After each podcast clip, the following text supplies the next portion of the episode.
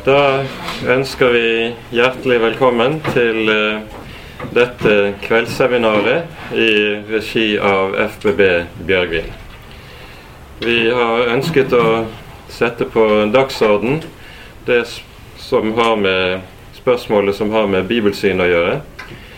Et eh, spørsmål som har vært akutt og brennende innenfor kristenheten de siste 200 år. Og det er dette spørsmålet rundt bibelsynet som også i meget stor utstrekning ligger bak mye av de problemene som vi ser innenfor en rekke av de ulike kirkesamfunn, også i våre dager. Spørsmålet om bibelsynet blir derfor aldri uaktuelt, og vi syntes det var på høy tid at vi løftet dette frem igjen. Det er en del år siden vi har hatt det på dagsorden i våre sammenhenger. Vi har fått med oss to foredragsholdere til eh, dette kveldsseminaret. Det ene, den ene er Seth Erlandsson, og så er det Knut Alfsvåg. Seth Erlandsson skal eh, foredra om eh, Bibelens inspirasjon. Knut Alfsvåg om Bibelns auktoritet. Eh, Seth Erlandsson eh, er ikke sikker på om han er godt kjent av mange av dere. Han eh, hører til Den lutherske bekjennelseskirke i Sverige, som også har eh, flere menigheter i Norge. Han eh, har tok for 30 år siden teologisk doktorgrad på et gammeltestamentlig tema, 'The Burden of Babylon' fra Jesaja-bokens 14. kapittel. Og var også i svært mange år en sentral skikkelse ved Instituttet Biblikum i Sverige. Og Biblikum kom da også til å markere seg som en sentral aktør nettopp i spørsmålet rundt bibelsynet. Så jeg vet ikke om det er mer jeg skulle føye til. De senere år har eh, han kommit ut med ett par bøker, bl.a. en bok om Jesus, som eh, uh, imøtegår eh, Jonas Gardells eh, Jesusbok i Sverige. Det er en debatt som kanskje ikke er særlig godt kjent i Norge, men eh, har vært ganske viktig i svensk kristenliv. Til innledning skal vi lese et enkelt vers fra apostlenes gjerninger Eh, det 20. kapittel. Her hører vi Paulus' avskjedstale til eh, de eldste i Efesos. Og eh, han sier her, etter å ha minnet dem om deres ansvar, som dreier seg om å ta vare, vokte jorden, vokte menigheten, och vokte Guds ord, så sier han til sist Nå overgir jeg dere til Gud og Hans nådes ord. Han som er mektig til å oppbygge dere og gi dere arv, sammen med alle dem som er blitt helliget. Vi er jo ofte vant til å høre og tenke at Guds ord er noe som er overgitt oss. Og det er jo en sentral sannhet i Den hellige skrift. Men her sies det altså også at vi som kristen menighet er overgitt til Guds ord. Hvilket innebærer at det å være kristen menighet, det er å dele skjebne med Guds ord. Dette ord er det som den kristne menighet er kastet på, dette ord er det som den kristne menighet står og faller med. Og det er fordi Den hellige skrift slik er så grunnleggende med tanke på hele vår eksistens, at forholdet til Bibelen også er avgjørende å besinne seg på på ny og på ny. Med det ønsker vi altså dere alle hjertelig velkommen til denne kvelden. Mellom foredragene blir det en liten pause med litt frukt, litt å drikke. Og eh, så etter det siste foredraget til Knut Alfsvåg blir det anledning til spørsmål og samtale om det vi har hørt. Men nå gir vi ordet til Seth Erlandsson først. Vær så god.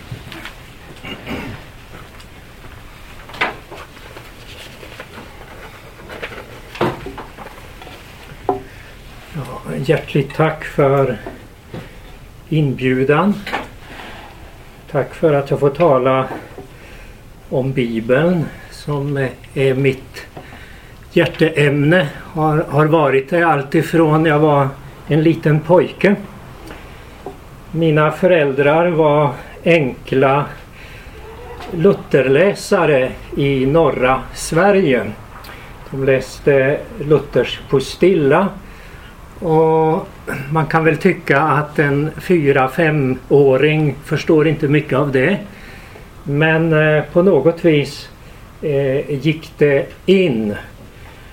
Och intresset har blivit bestående. Eh, mitt bibelintresse utmanades ständigt i skolan av mina lärare. Ständigt fick man höra att Bibeln är inte trovärdig. Och det var Lärarna kom med olika exempel på alla misstag och felaktigheter i Bibeln. Det står i Bibeln att Jesus gick på vattnet men det förstår ju alla, sa ju läraren, att det är inte sant utan jag tror det var i andra klass så Eh, berodde det på att det såg så ut men det var ovanligt kallt i Palestina den tiden så Jesus gick på isen och ett litet barn undrar tänk om han hade halkat om, omkull. I en annan klass så sa läraren att eh, det var så långgrunt så när Jesus gick där och vattnet slog upp kring bristerna så såg det ut som han gick på vattnet. Och jag visste ju vad som stod i Bibeln så jag undrade hur det gick att med, för båten att färdas fram när det var, var sådär grunt. Dessutom har jag varit där nere många gånger och, och det, ständerna ser inte heller ut på, på det viset vid Galileiska sjön.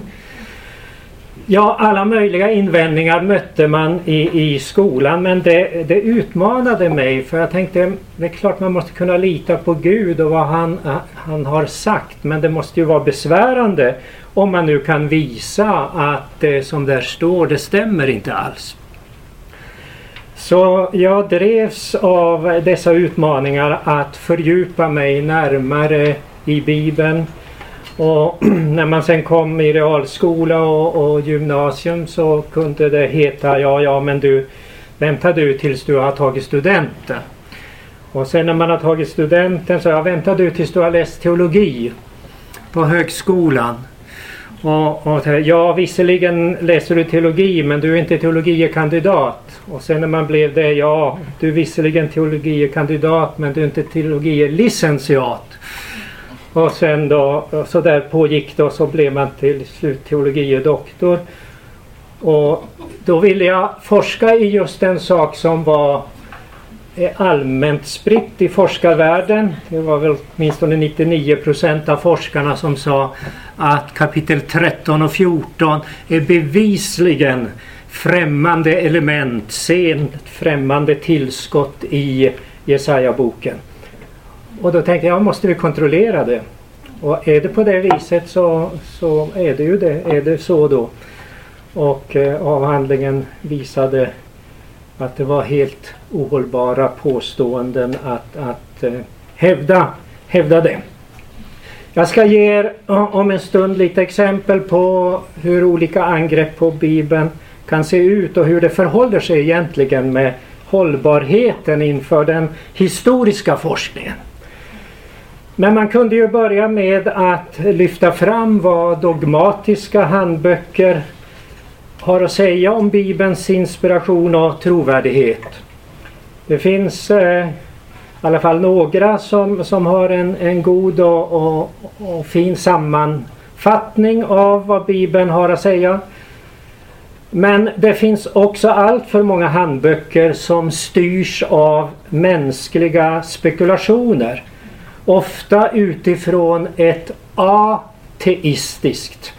Lägg märke till, jag säger inte ateistiskt, det kunde jag säga, men ett ateistiskt vetenskapsideal om de olika bibelböckernas tillkomsthistoria och hur texternas uppgifter om Gud och hans övernaturliga ingripanden i vår värld, hur det måste tolkas för att kunna passa ihop, anpassas till den så kallade vetenskapliga världsbilden. De här handböckerna menar jag har egentligen ganska ringa värde. Resultaten i dessa handböcker är alltför förutsägbara. På förhand blir det bestämt vilka resultat man måste komma fram till. Uppgifter om Gud och om Guds undergärningar i historien, konkret inför ögonvittnen i historien. Ja, det kan inte vara korrekta beskrivningar av vad som faktiskt har hänt. Det måste utifrån utgångspunkten vara fromma människors tolkningar, tankar präglade av den miljö man levde i. Och så försöker man eh, då komma ifrån vad texterna säger verk, är verklighet, verklig historisk eh, sanning. När jag talar över det här ämnet, förresten talar jag för fort för jag talar ett främmande tungomål. Förstår ni någorlunda? Jag ska försöka att tala tydligt.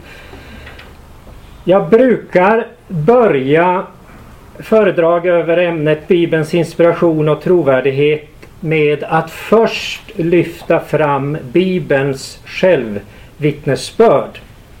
Men det ska jag inte göra idag. Det ska jag ta mot slutet istället. Annars är det ju avgörande att noggrant se efter vad säger gamla förbundets profeter och nya förbundets apostlar. Vad säger de själva om Bibeln, om böckerna, om deras tillkomst, om deras tillförlitlighet? Jag ska istället den här gången säga lite grann om hur själva trosutgångspunkten spelar in. Antingen då tron på Bibeln, på Bibelns Gud, övertygelsen om att Gud är sann och det Gud eh, säger och gör det är sanning, det är verklighet. Eller tron att så är inte fallet. Det vill säga trosutgångspunkten att det finns ingen övernaturlig verklighet. Och följaktligen så måste då skapelsen ha skapat sig själv. Det är ju den dominerande och vanliga uppfattningen hos en överväldigande majoritet i vår tid. Skapelsen måste ha skapat sig själv. Sen jag har talat lite om trosutgångspunkten ska jag sen närmare utveckla varför jag är övertygad om att Bibeln är trovärdig och att Bibeln är Guds inspirerade ord. Därefter ska jag komma in på möjligheten att falsifiera Bibelns uppgifter. I och med att det Bibeln berättar är så förankrat i geografin, så förankrat i historien att möjligheter till falsifiering är ju stor. Och vi ska titta då på hur historiskt kritisk bibelforskning hur de har eh, eh, påstått sig kunna falsifiera bibliska uppgifter. Vi ska se hur de har lyckats med det. Och sen allra sist då så ska jag komma till det jag brukar börja med. Sammanfatta Bibelns självvittnesbörd och också precisera vad som menas med, med Bibelns inspiration och hur man ska ställa sig till de många läsarter och olika handskrifter som finns till Bibeln. Alltså först då lite grann om trosutgångspunktens betydelse. Övertygelsen om Bibelns trovärdighet, ja det kan ni räkna ut, det hänger samman med, intimt samman med tron på Gud, Bibelns Gud. Men utgår man ifrån att denne Gud inte finns, ja då är det på förhand redan avgjort. Bibeln är inte trovärdig. Bibeln kan man inte lita på som ett säkert, sant dokument om det som Bibeln talar om. Utan då innehåller Bibeln bristfälliga människotankar, vittnesbörd om vad forntida människor trott och hur de tolkat sina upplevelser och det som händer i världen. Men om däremot man är övertygad om att Gud finns, han är en levande verklighet och han är ingen mindre än skaparen av universum. Ja, då blir det ju oerhört angeläget att närmare undersöka vem är denne Gud? Studera vad säger han? Har han skapat hela universum har han väl uppenbarat sig förutom genom skapelsen. Han måste väl ha möjlighet att berätta mera om sig själv. Han, eh, eh, han, eh, det är inte otänkbart då att han har utvalt vissa personer att vara, som det står i Bibeln, Herrens mun. Herrens mun kallas ju en profet, till exempel Jesaja. Och vad har han då att säga? Vem är han? Har man nu tron att Gud inte finns, ja, då kan inte Bibeln vara Guds speciella, särskilda uppenbarelse och undervisning för oss människor. Men det kommer man inte fram till genom att man har gjort noggranna vetenskapliga studier och det grundar sig inte heller på kontrollerbara fakta utan det är bestämt av denna trosutgångspunkt att Gud inte finns. Lägg nu märke till att det är en trosutgångspunkt i båda fallen. Tron att Gud finns och tron att Gud inte finns. En del tänker att det är ingen tro att ha den utgångspunkten att Gud inte finns. Men det är också en tro. Det vet man inte. Utan det är ett antagande som då många menar det enda rimliga antagandet. Det är inte, den utgångspunkten vilar inte på kontrollerbara fakta. Och det kan också en ateist gå med på. Om man går in på detta närmare. Dessutom så skulle man kunna säga att det inte heller är särskilt förnuftigt. Det är ingen förnuftig slutsats egentligen att skapelsen har skapat sig själv. Vad ligger förnuftet i det? Förnuftet arbetar ju med att dra eh, slutsatser, se analogier. Och vilka analogier har man som förnuftet kan bli varse? Jo, varje skapelse vi vet om har en skapare. Varje skapelse har en skapare. Varje konstruktion har en konstruktör. Varje byggnad har en byggmästare. Det är därför som Bibeln säger att man är en dåre.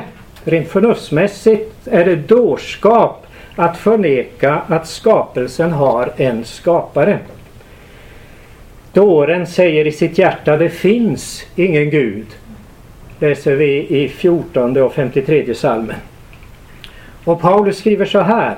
Ända från världens skapelse ses och uppfattas hans osynliga egenskaper, hans eviga makt och gudomliga natur genom det verk som han har skapat. Genom det verk som han har skapat.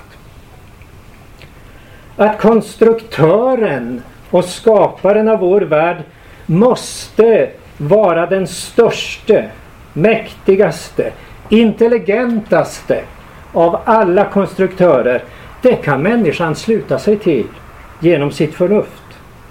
Och skulle då denne Gud, om man nu inser att han finns, varken kunna eller vilja ge människorna mer information om sig själv. Om roten till eländet i världen. Om hur människan ska räddas från den ondes våld. Den allmänna uppenbarelsen, det vill säga skapelsen, Guds skapade verk. Det ger information om Guds makt, Guds storhet, Guds helighet, Guds vishet, Guds rättfärdighet. Men bara den särskilda uppenbarelsen, det vill säga Bibeln, med det, buds, det glada budskapet om frälsaren, Guds enfödde son. Bara det kan uppenbara vad det innebär att Gud är kärlek, som det står i 1 Johannes 4.16. Och hur människan på nytt ska komma i lycklig gemenskap med Gud. Hur detta ska gå till. Tron på Bibelns Gud som den enda sanne guden och att Bibeln är Guds inspirerade och tillförlitliga ord det är inte en följd av filosofiska resonemang, inte en följd av vetenskapliga, kontrollerbara fakta, utan det är en trosartikel. Till definitionen på Gud hör att inget mörker finns hos honom. Att han är utan svek, att han är sanningen, att han har all makt i himmel och på jord. Och därför kan man ju egentligen inte säga jag tror på Gud men jag tror inte på vad han säger. Skulle inte säga till mig heller jag, jag tror på Seth Erlandsson men jag tror inte på vad han säger. Utan då säger man jag tror inte på honom. Men det är inte så ovanligt att eh, en del kanske inte säger det men det, det, blir resultatet. Man, jo, jag tror på Gud men jag tror inte på vad han säger. Och då har man naturligtvis definierat att Bibeln är inte vad, vad Gud säger. Och många moderna bibelutgåvor får det ju inte stå längre Bibeln och så där under stod det ofta för den heliga skrift, Guds ord, den heliga skrift utan den underrubriken eh, finns inte med till exempel i Bibel 2000 i Sverige. Den troende kommer genom studiet av vad Gud undervisar och säger, studiet av Guds ord fram till att det här är sanning, det här är säkert, det här är visst. Den troende bekänner likt David, Herre du är Gud och dina ord är sanning. Men då kommer vi till nästa punkt. Varför är jag egentligen övertygad om att Bibeln är trovärdig? Har du inte läst alla dessa böcker som finns som visar att det är fullt med fel i Bibeln? Massa misstag. Hur kan du som håller på med bibelforskning var övertygade om att Bibeln är trovärdig. Jag ska strax komma in på vad forskningen eh, brukar dra fram. Min övertygelse grundar sig inte i första hand på att jag har lyckats motbevisa alla angrepp på Bibeln. Att det är alltså en filosofisk produkt. Att det är genom eh, arkeologi och språkforskning och historisk forskning så har jag från detta kommit fram till att Bibeln är att lita på. Man kan säga att arkeologisk forskning, historisk forskning, ideologisk forskning och annat kan möjligen titta, håller argumenten för att Bibeln misstar sig? Alltså negativ bevisföring men den kan inte skapa i en människas hjärta den här förtröstan, tilliten till, tron på Gud och hans ord. Utan det är Bibelns vittnesbörd om Jesus Kristus som är avgörande för mig. Och det vittnesbördet har en överbevisande, en skapande kraft som eh, helt oförtjänt har, kan man säga, drabbat mig. Jag har blivit övervunnen eller besegrad av Bibelns vittnesbörd om Kristus. För mig är det helt ofrånkomligt att han är den apostlarna och evangelisterna redogör för. Det finns ingen chans att komma undan. Jag litar på det vittnesbördet. Och att komma ifrån vad Jesus säger och gör och att komma ifrån att han uppstod på tredje dagen, det går bara inte. Och man blir ju inte, eh, vad ska vi säga, skeptisk och tvivlande mot Bibeln när man läser de argument som förs fram mot Bibelns uppgifter om Jesus och hur man till exempel förklarar, nej Jesus uppstod aldrig. Till exempel det första argumentet som fördes fram att lärjungarna kom och stal kroppen medan vi sov. Jag brukar inte se så mycket medan jag sover. Och tittar man på övriga argument som man då får ställa emot detta att det är inte som i, i många andra religioner att det förs fram en tanke på att Ganesha har gjort det och det eller guden Kali har gjort det och det. Utan här är det frågan om skildringar inför ögonen på människor. Och han visar sig för mer än 500 på en enda gång av vilka flera ännu lever. Gå och fråga dem. Så det är inte så där hemlighetsfullt. Och när man kommer till Jesus och, och tvivlar så säger Jesus, ja det är klart om jag säger att jag är sanningen så kan du ju tvivla på det. Men tro då för gärningarnas skull. Inte bara jag påstår någonting, då kan man säga, du kan ju påstå vad som helst.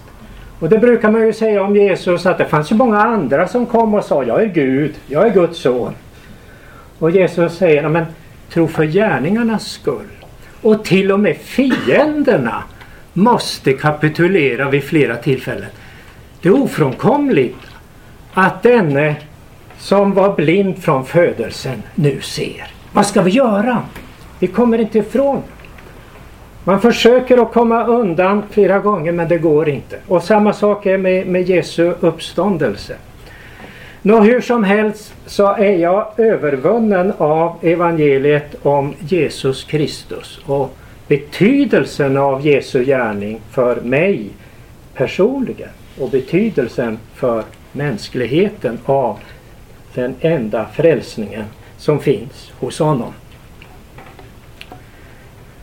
Övertygelsen om Bibelns sanning är alltså inte en följd av mina tankar och mina gärningar utan av evangeliet om Kristus. Bibelns vittnesbörd om honom är Guds kraft till frälsning. Profetiorna om honom, ja visst försöker man komma ifrån dem. Vi har fått en hel bibelöversättning som översätter så, så att det ska inte handla om den kommande Messias utan om någonting som var näraliggande i Israels historia. Men det går ju inte att komma ifrån profetiorna. Jag har suttit i källarvåningen på universitetshuset i Uppsala och samtalat med en ortodox rabbin en gång om Jesaja 53. Varför läser ni inte i synagogan Jesaja 53? För det är ganska märkligt att det förekommer inte i synagogans läsning. Man läser kapitel 52 och man läser kapitel 54. Och det är till och med 54 till och med två gånger. Eller om det är 52 två gånger. Så man kunde ju ha tagit 53. Jag vet inte varför, jag kan bara gissa, men jag vet inte. Men jag förstår att Jesaja 53 är alltför starkt. Och jag frågar honom, ser du vad Jesaja 53 handlar om? Ja, det handlar om ett kollektiv. Om, om folket som har prövats och fått lida. Ja men ser du inte att det är en skillnad mellan folket och den som blev genomborrad för våra synders skull? Så, han blev genomborrad, men vi! Det är ju inte samma sak. Han och vi. Han blev genomborrad för våra synders skull och slagen för våra missgärningars skull. Vi då? Vi gick alla vilse som får. Vi fattade ingenting. Var och en gick sin egen väg. Hur kan du komma ifrån att detta handlar om Messias? Och de flesta som läser det eh, tycker ju det verkar som Jesaja står är på Golgata och ser vad som händer. Och det är ju sant, det gör han ju. För han talar i förfluten tid. Han var genomborrad. Det var våra synder han bar. Varför säger han så? Jo, profeterna talar om att det vi säger, det har vi inte tänkt ut själva. Det har vi sett. Detta är vad Jesaja, Amos son, skådade. Såg. Han har sett videon i förväg. Han såg alltihop. Mer än 700 år innan det hände. Men det är klart att har man en annan utgångspunkt så är det otänkbart. Men för många så blir detta med profetiorna ändå ett oerhört mäktigt vittnesbörd om Gud. Honom kan man lita på. Han är sanningen och hans löften och hans profetior går i fullbordan. När tron, när man får denna tro från evangeliet på Kristus, på Faderns ord. Ja, då får naturligtvis denna tro mer näring och den växer till i styrka genom ett fortsatt studium av de heliga skrifterna. Mer och mer genom studiet framträder bibelböckernas djupa enhet. Ikväll ska jag inte tala om Jesaja-boken men jag har god lust att göra det. För det är en helt otrolig enhet. Den som bibelkritiken har styckat i små bitar, inte bara som man säger ibland en, an, en första, en andra och en tredje Jesaja. Utan en tjugotredje, en tjugosjunde Jesaja. I massor med småbitar när det är den mest underbara enhet rent kompositionsmässigt. Och, och, och en oerhört samklang i hela bokens eh, undervisning. Men fortsatt bibelstudium stärker naturligtvis tro. Och, och tron växer till genom studiet. Det betyder inte att jag förstår allting. Men den gudsfruktan som Bibeln skapar det är som Bibeln själv säger, det är vishetens begynnelse.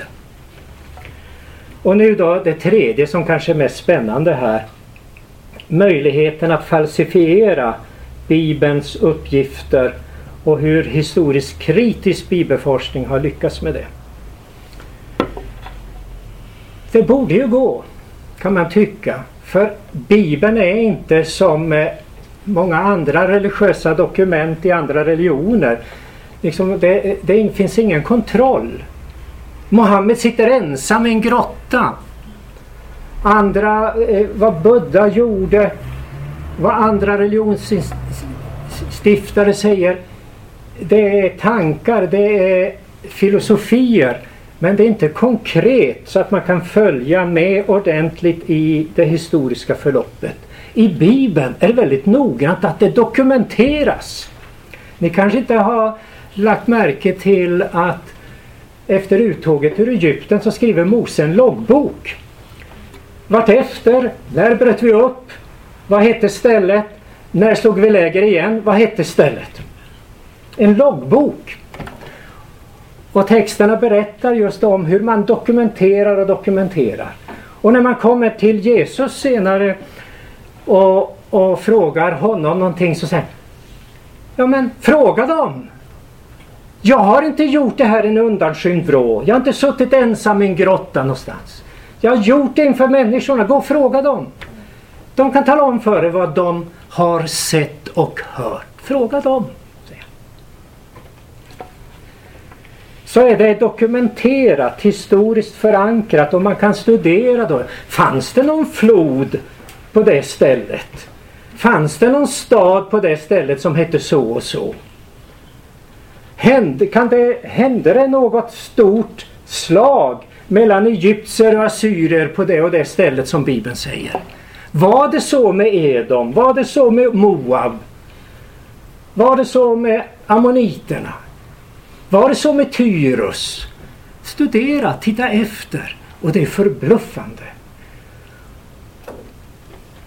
Forskningen har sagt när det gäller Daniels bok att här har vi i alla fall en pseudepigraf som har kommit till efter att vissa saker har hänt och så gör det anspråk på att låtsas vara profetior. Men det är i själva verket en from jude som har hittat på det hela i efterhand. Och han kunde ju inte veta riktigt vad som hände i det babyloniska riket och sen i det persiska. För han levde ju på 160-talet före Kristus och det som hände på 500-talet det är klart att han blandar ihop saker och ting så det blir massa fel. Det är den vanliga ståndpunkten.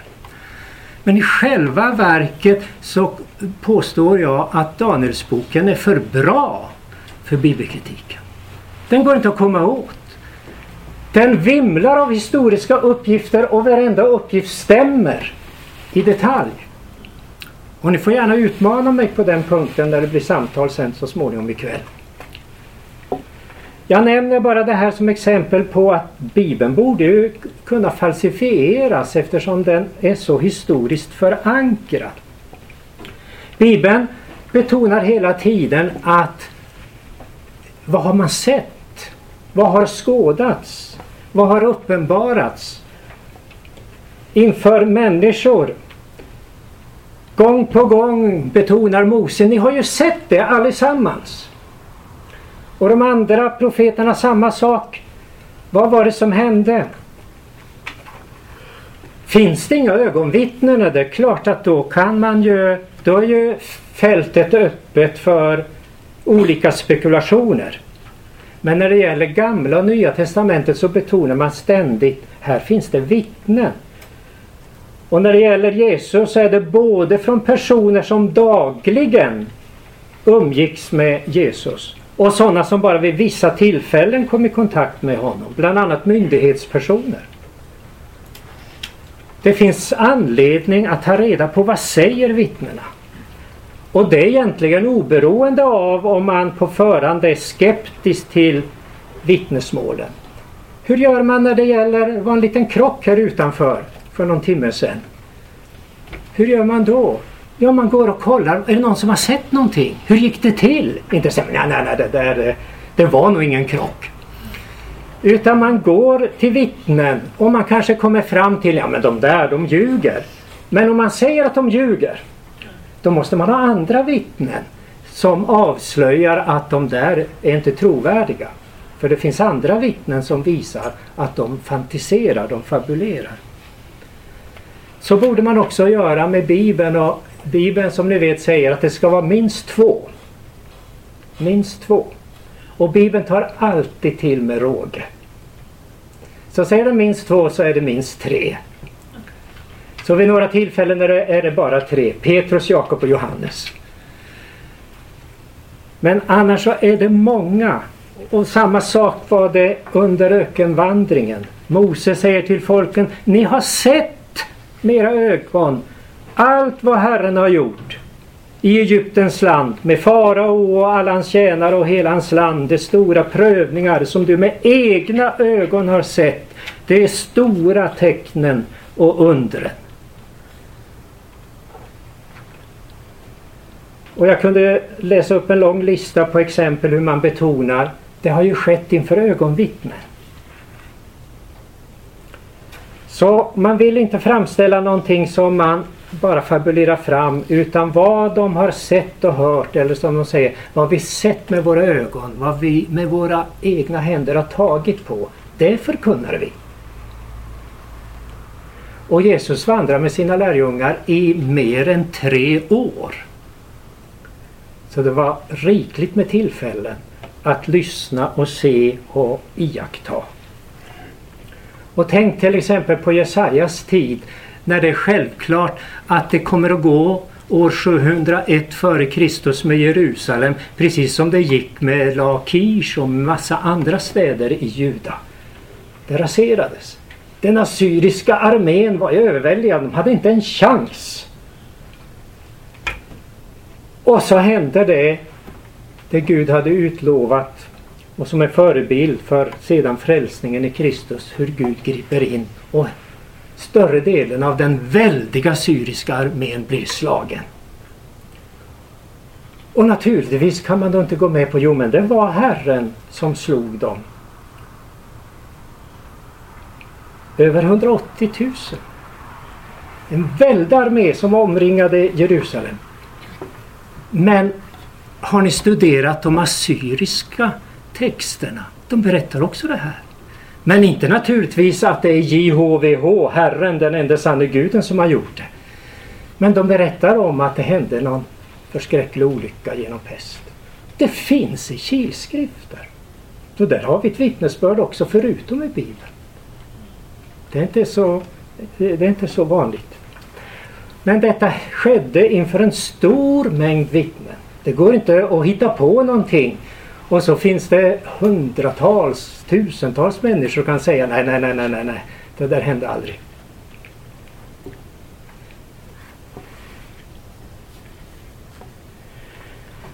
Det finns ju texter i synnerhet i Johannesevangeliet som ni kan ju läsa särskilt Johannes 8 och Johannes 9 där Johannes lyfter fram händelser som är så starka. Och varför lyfter Johannes fram det? Jo, när Johannes skriver så börjar gnostiska tankar att tränga in i församlingen och förföra. Och enligt de gnostiska tankarna så är detta med Jesus det är en andevarelse. Okroppsligt. Det hör inte ihop med konkreta kroppsliga eh, saker. Det blir angeläget för Johannes att komplettera de tre övriga evangelierna med ytterligare material. Och han berättar det finns mycket mer. Men om jag skulle berätta allt så ryms det inte. Men detta har jag nu sammanställt för att ni ska tro att Jesus är Messias, Guds son.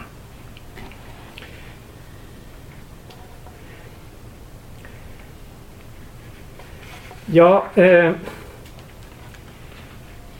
vi hinner ju inte här gå in på saker som eh, visar hur korrekt eh, alla dessa historiska uppgifter som ges i Bibeln hela tiden. Om man läser i Hesekiel 25 eller 26 eller 27 eller 28 eller 29 eller 30 så tänker man kanske inte på hur i detalj det stämmer det som där står till exempel om Moab i 25.9 Jag ska öppna Moabs bergsluttningar så att det blir utan städer, utan sina gränsstäder. Och ner och titta. Det talas om hur Moab skulle ödeläggas och hur är de? Och ner där och titta hur det ser ut. Det är ganska märkligt för det skulle behövas städer och utveckling. Men ta er ner på östra sidan av Döda havet och så rakt ner över. Passera floden Arnon så kommer ni in i Moabs ursprungliga land. Titta hur det ser ut där. Ödeland. Ödemark. Titta Edom. Vad hände med Edom? Titta hur det ser ut. Studera. Jag ska ödelägga det, säger Herren 25.13. Eller om Tyrus. Titta på Tyrus. Som var så mäktigt där ute i havet med enorma fästningar. Åk dit och titta. Jag ska förvandla henne till en kal klippa. Och dit och titta, ni ser den kala klippan där ute i havet. En torkplats för fisknät ska hon bli mitt ute i havet. 26.4 följande. Hur har, du in, hur har du inte gått under, du berömda stad, du som var så mäktig på havet? Tyros, vet du hur lång tid det tog för Alexander den store att totalt förstöra Tyrus. Det var över sex månader och han var en mäktig fältare. Vem är lik Tyrus som bringas till tystnad mitt ute i havet? Eller Egypten? Lägg märke till att det talas inte bara generellt och allmänt om vad som ska hända utan stad efter stad, plats efter plats, ravin efter ravin nämns i texterna. Sin ska gripas av ångest. Sin. Det betyder det är det gamla egyptiska namnet, det betyder fästning. Och det var en, en stor befäst stad i eh, eh Nildeltaområdet. När sedan grekerna tog över denna strategiskt belägna stad så bytte man namn till Pelusium. Och Pelusium det betyder gyttjestaden. Så man ändrade stadens namn och sin kan också översättas med gyttja och lera. Och då blev det gyttjestaden. Och här nämndes andra, jag hinner inte gå in på hur man talar om ån som är Heliopolis eller guden Ras stad. Eller vad man säger om eh, Nå som är Tebe.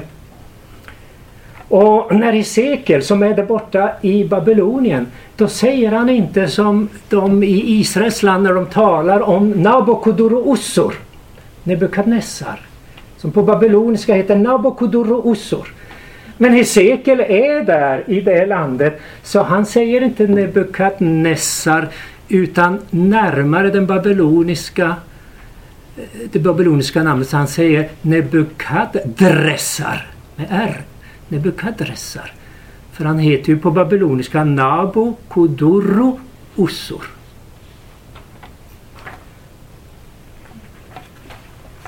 Och det finns en rad saker, till exempel man har problem med kronologin, hur man kan se varför är det skill vissa skillnader mellan Jeremia och Hesekiel. Så den ena säger det fjärde året och den andra den femte.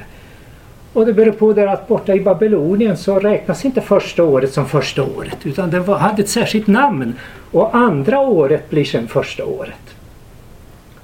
Och det finns massa sådana här märkliga saker som, som vittnar om hur noggrann man har varit vid eh, nedtecknandet av eh, vad som har hänt.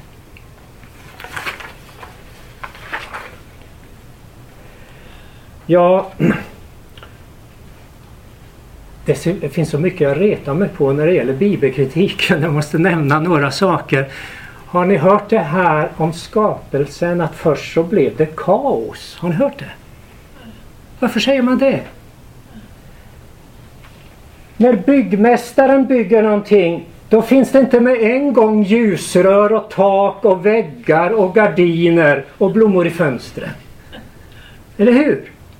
Och innan man har något ljus, hur långt är det då? Mörkt. Och när Gud skapar så är det först kolsvart och blött, blött, blött, blött. Det fanns ingenstans att ställa foten ens. Det var blött som ett enormt djup. Och så sen, ja men det är precis som när en byggmästare gör från början, inte allt klart. Han måste sedan fixa till väggar och pelare och tak och allt möjligt. Sådär. Så när det står här i begynnelsen skapade Gud himlarna och jorden eller himmel och jord. Så var det först inte färdiginrätt. Det var ödslighet och tomhet. På hebreiska tohu var wohu. Och för att vi ska förstå vad texten handlar om så behöver det inte översättas. Det är onomatopoetiskt. Tohu wa wohu. Ho, ho! Ödsligt och tomt. Det ekade bara. Men det var inte kaos. Gå och säg till en byggmästare när han gjort det första och innan han har fått dit någon elektricitet och, och väggar så är det kaos. Det är inte kaos. Det är inte färdigt än. Och Augustinus hade trosproblem att det tog för Gud sex dagar. Och idag säger man nej men det går ju inte med sex dagar. Det måste vara sex miljoner år eller mycket mer. Men för, för Augustinus var det ett visst problem att det, bara var, att det tog så lång tid som sex dagar. Byggmästaren tar i tur och ordning och det berättas, inte alla detaljer men i ordning får vi veta hur byggmästaren bygger upp det hela. Så att det inte längre är öde och tomt utan det är bebott. Och det är ett vimmel av levande varelser i havet. Och det är djuren av alla de här huvudsorterna som där finns. Och så till slut så skapas också eh, människa. När jag retar mig på det där med kaos. Men jag vet varför. För man säger att det här kan inte vara någon, någon sann och, och säker uppenbarelse om hur Gud har skapat utan det är vissa personer som har påverkats av babyloniska funderingar. Och där är det kaos. Och där är det en fight mot kaosdraken eller monstret. Och då måste det ju vara något liknande. Och då sa han, ja men det kan vi ju stödja här för det står om det där djupet. Så står det på hebreiska tehom. Och det är ju ganska likt det babyloniska Tiamat, namnet på kaosodjuret eller, eller draken. Men rent språkligt så kan inte Tehom härledas från Tiamat. Men Tiamat kan härledas från Tehom. Faktiskt. Nej, jag ska inte gå in på alla de här eh, dumheterna och sen när man kommer till, ja det måste vara två motsägande skapelseberättelser. Vad är det för dumheter? Här berättas vad hur byggmästaren i steg för steg har skapat och så sen från och med 2.4 så, kommer, så zoomas det in. Hur var det nu med människan? Och vad hade hon för situation i Edens lustgård? Det är vi tvungna att få inzoomat och få kompletterande detaljer för att sen kunna förstå den stora olyckan när man gör uppror mot Gud och faller i synd. Det är inte en andra skapelseberättelse. Det är en komplettering genom att man zoomar in människan. Och hela Genesis uppbyggnad består av tio exakta delar som alla har rubriken, eller i ordet så har vi rubriken Toledot. Så i 2.4 börjar första rubriken efter den fantastiska inledningen. Detta är himmelens och jordens fortsatta historia. Inte skapelse, utan fortsatta historia. Vad händer nu? Och då zoomar man in människan. Och vad hände med människan? Och hur kom ondskan och synden in i världen?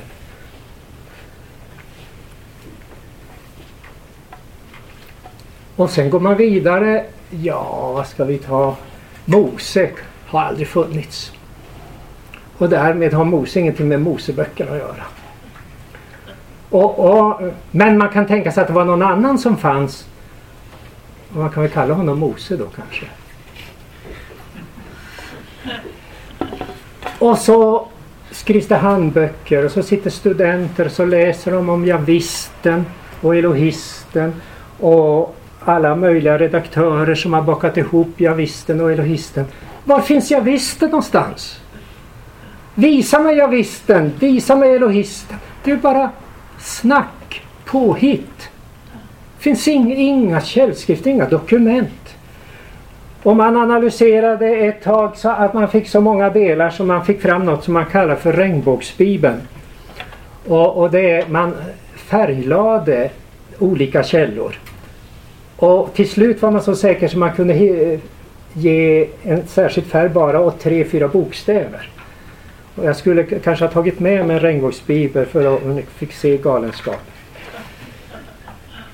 Daniels bok skulle jag gärna prata om men jag hinner inte. Jag skulle gärna prata om Betel och Aj till exempel. Var låg Aj egentligen? och sånt Men det, det för för långt.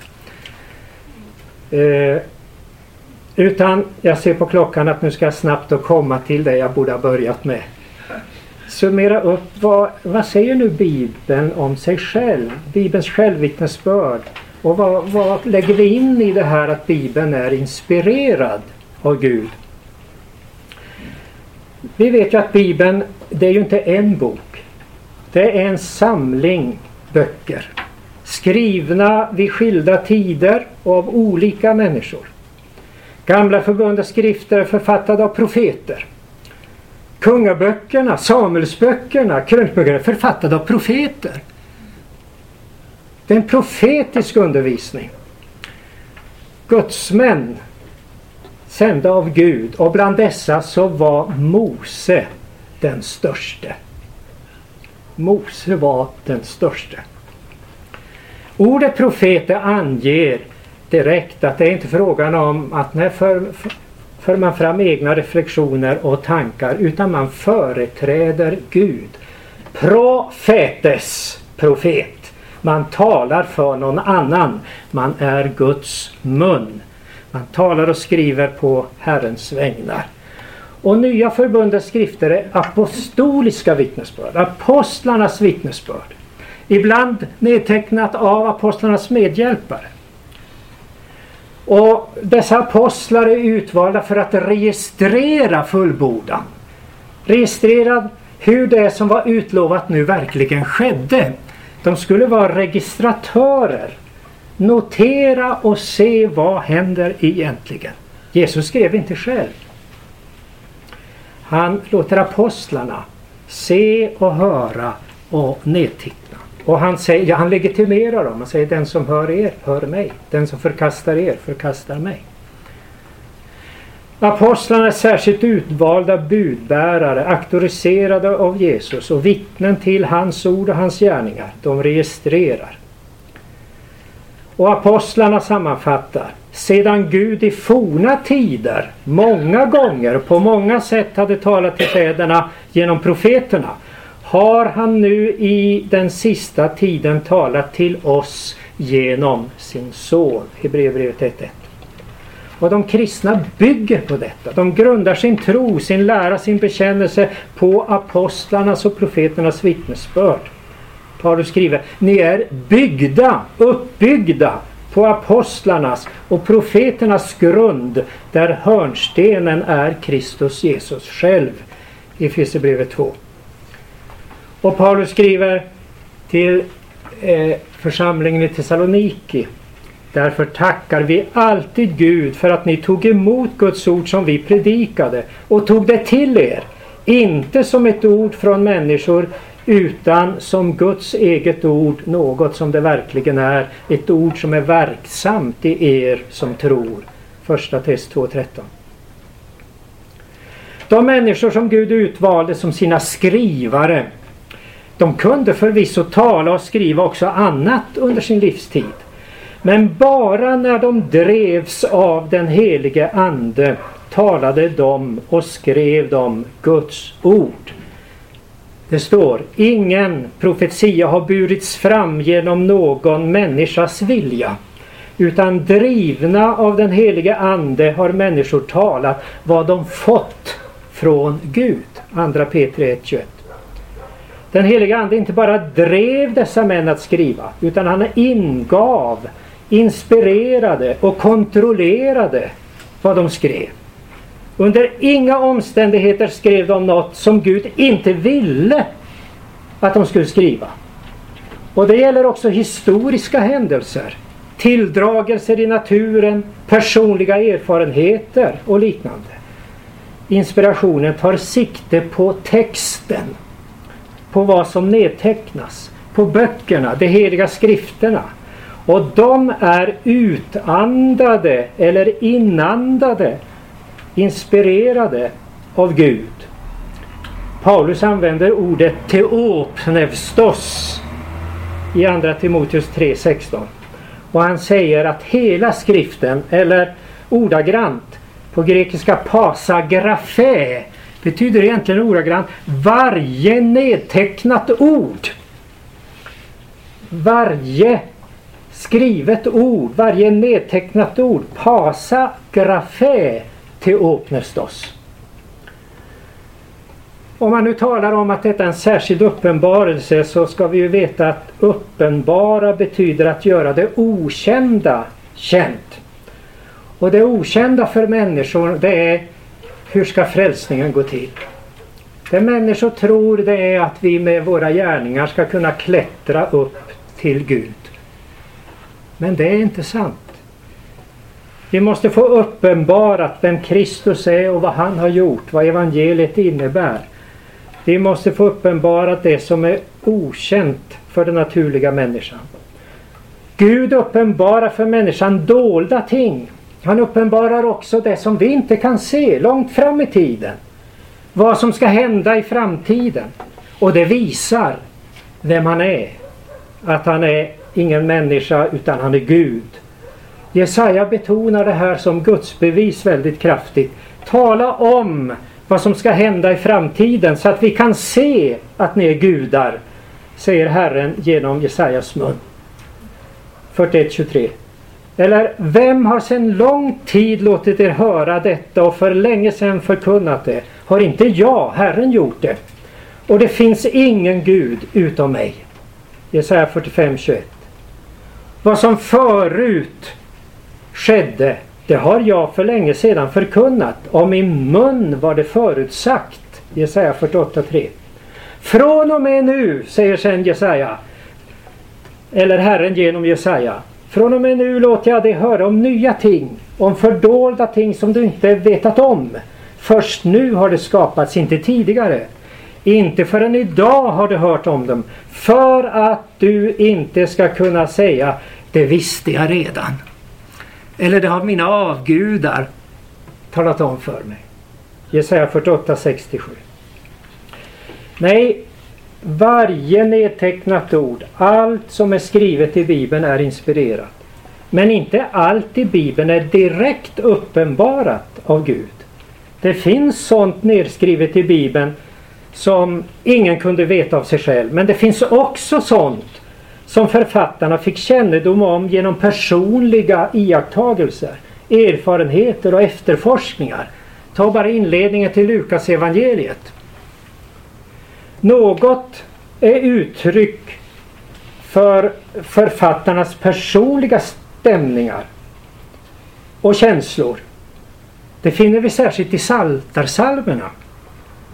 Och när de talade och skrev om det som de fått veta från olika källor, ja då var de så kontrollerade av den helige Ande att vad de än talade och skrev så var det just det som Gud ville att de skulle tala eller skriva.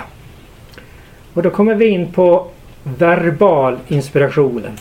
Eller termen verbal inspiration. Ja, inspirationen som redan framgår av vad jag sagt omfattar inte bara ett allmänt tankeinnehåll utan också själva orden. Herren sa till Jeremia, skriv upp i en bokrulle alla de ord som jag har talat till dig. Och ni kanske kommer ihåg vad som hände när den ogudaktige kungen vart efter som det lästes upp rev sönder med eh, kolumn för kolumn av rullen och sen så eh, får Jeremia uppdraget att för sin skrivare på nytt diktera alltihop igen. Så han får skriva en ny rulle. Och David säger Herrens ande har talat genom mig. Hans ord är på min tunga. Andra Samuel 23, 2. Och Paulus skriver vi förkunnar inte med ord som mänsklig visdom lär utan med ord som anden lär när vi återger andliga ting med andliga ord. Första kor 2.13. Och ni kanske minns hur Jesus argumenterar utifrån ett enskilt ord, att, ord, att det står gudar i pluralis. Han citerar Psaltaren 82.6 och, och så fortsätter han. Och skriften kan ju inte göras om intet. Och skriften då står det Hägrafé. Alltså det nedtecknade skriften, den nedtecknade Hägrafé kan inte göras om intet. Johannes 10, 34-35. Och Paulus bygger i Galaterbrevet 3.16 sin argumentering på att ordet säd eller avkomma är singularis. De ord som en människa säger det är, de är inte alltid exakta uttryck för den människans tankar. När jag skriver någonting det blir inte exakt så som jag tänker. Och om jag då skulle uttrycka en annans tankar så blir det ännu osäkrare. Men om den helige Ande inte kontrollerat själva orden som de heliga författarna använde, ja då kunde vi haft skäl att fråga menade verkligen Gud detsamma som dessa män uttrycker med sina ord? Ja men blir inte det här en lära om att de var robotar? Inte alls. Den kontroll som den heliga Ande hade vid inspirationen reducerar inte de mänskliga skrivarna till robotar. De var inte mekaniska instrument i Guds hand. Varje författare använde sina själsliga krafter och behöll sin egen stil och sitt sätt att uttrycka sig. Men inte desto mindre var de under konstant kontroll av den heliga Ande som satte dem i verksamhet eller som det står drev dem. Drev deras själsförmögenheter och gjorde bruk av deras utbildning och kunskaper. Så att deras forskande och tänkande, deras val av ord och argumenterande stod i den helige Andes tjänst. Den helige Ande använde män med olika läggning som sina skrivare. Kungar, bönder, fiskare, lärda. Han gjorde bruk av deras olika gåvor, kunskaper och skrivsätt. Bibeln lär inspirationens faktum men inte dess hur. Och det finns ingenting i mänsklig erfarenhet som kan förklara för oss skriftens teopnestos. Skriftens teopnestos inspiration är ett under, ett mirakel. Och så till sist helt kort. Olika läsarter. I manuskripten till Bibeln finns olika läsarter. Det är resultatet av att man gjorde nya kopior av skriften för hand med penna och bläck. Trots all försiktighet har oavsiktligt fel insmugit sig då kopiorna gjordes. Antalet olika läsarter är kanske 150 000. Om man räknar varje liten skillnad, en enda bokstav eller ett halvt ord eller något. En analys emellertid av dessa visar att de flesta av dem är utan betydelse och kan inte betraktas som äkta. Och av de återstående så har de flesta ingen betydelse för meningsinnehållet. Och ingen av de olika läsarterna förändrar eller förstör en enda lärosats i Bibeln. Kopior och översättningar av skriften är inte inspirerade. I strikt mening blev endast originalmanuskripten skrivna under inspiration av den heliga Ande. Originaldokumenten existerar inte längre. Vi har bara tillgång till kopior. I själva verket endast kopior av en lång serie av tidigare kopior. Men inte desto mindre är en felfri kopia eller version av originaltexten lika mycket Guds trovärdiga och ofelbara ord som originalet självt. Tack för ert tålamod.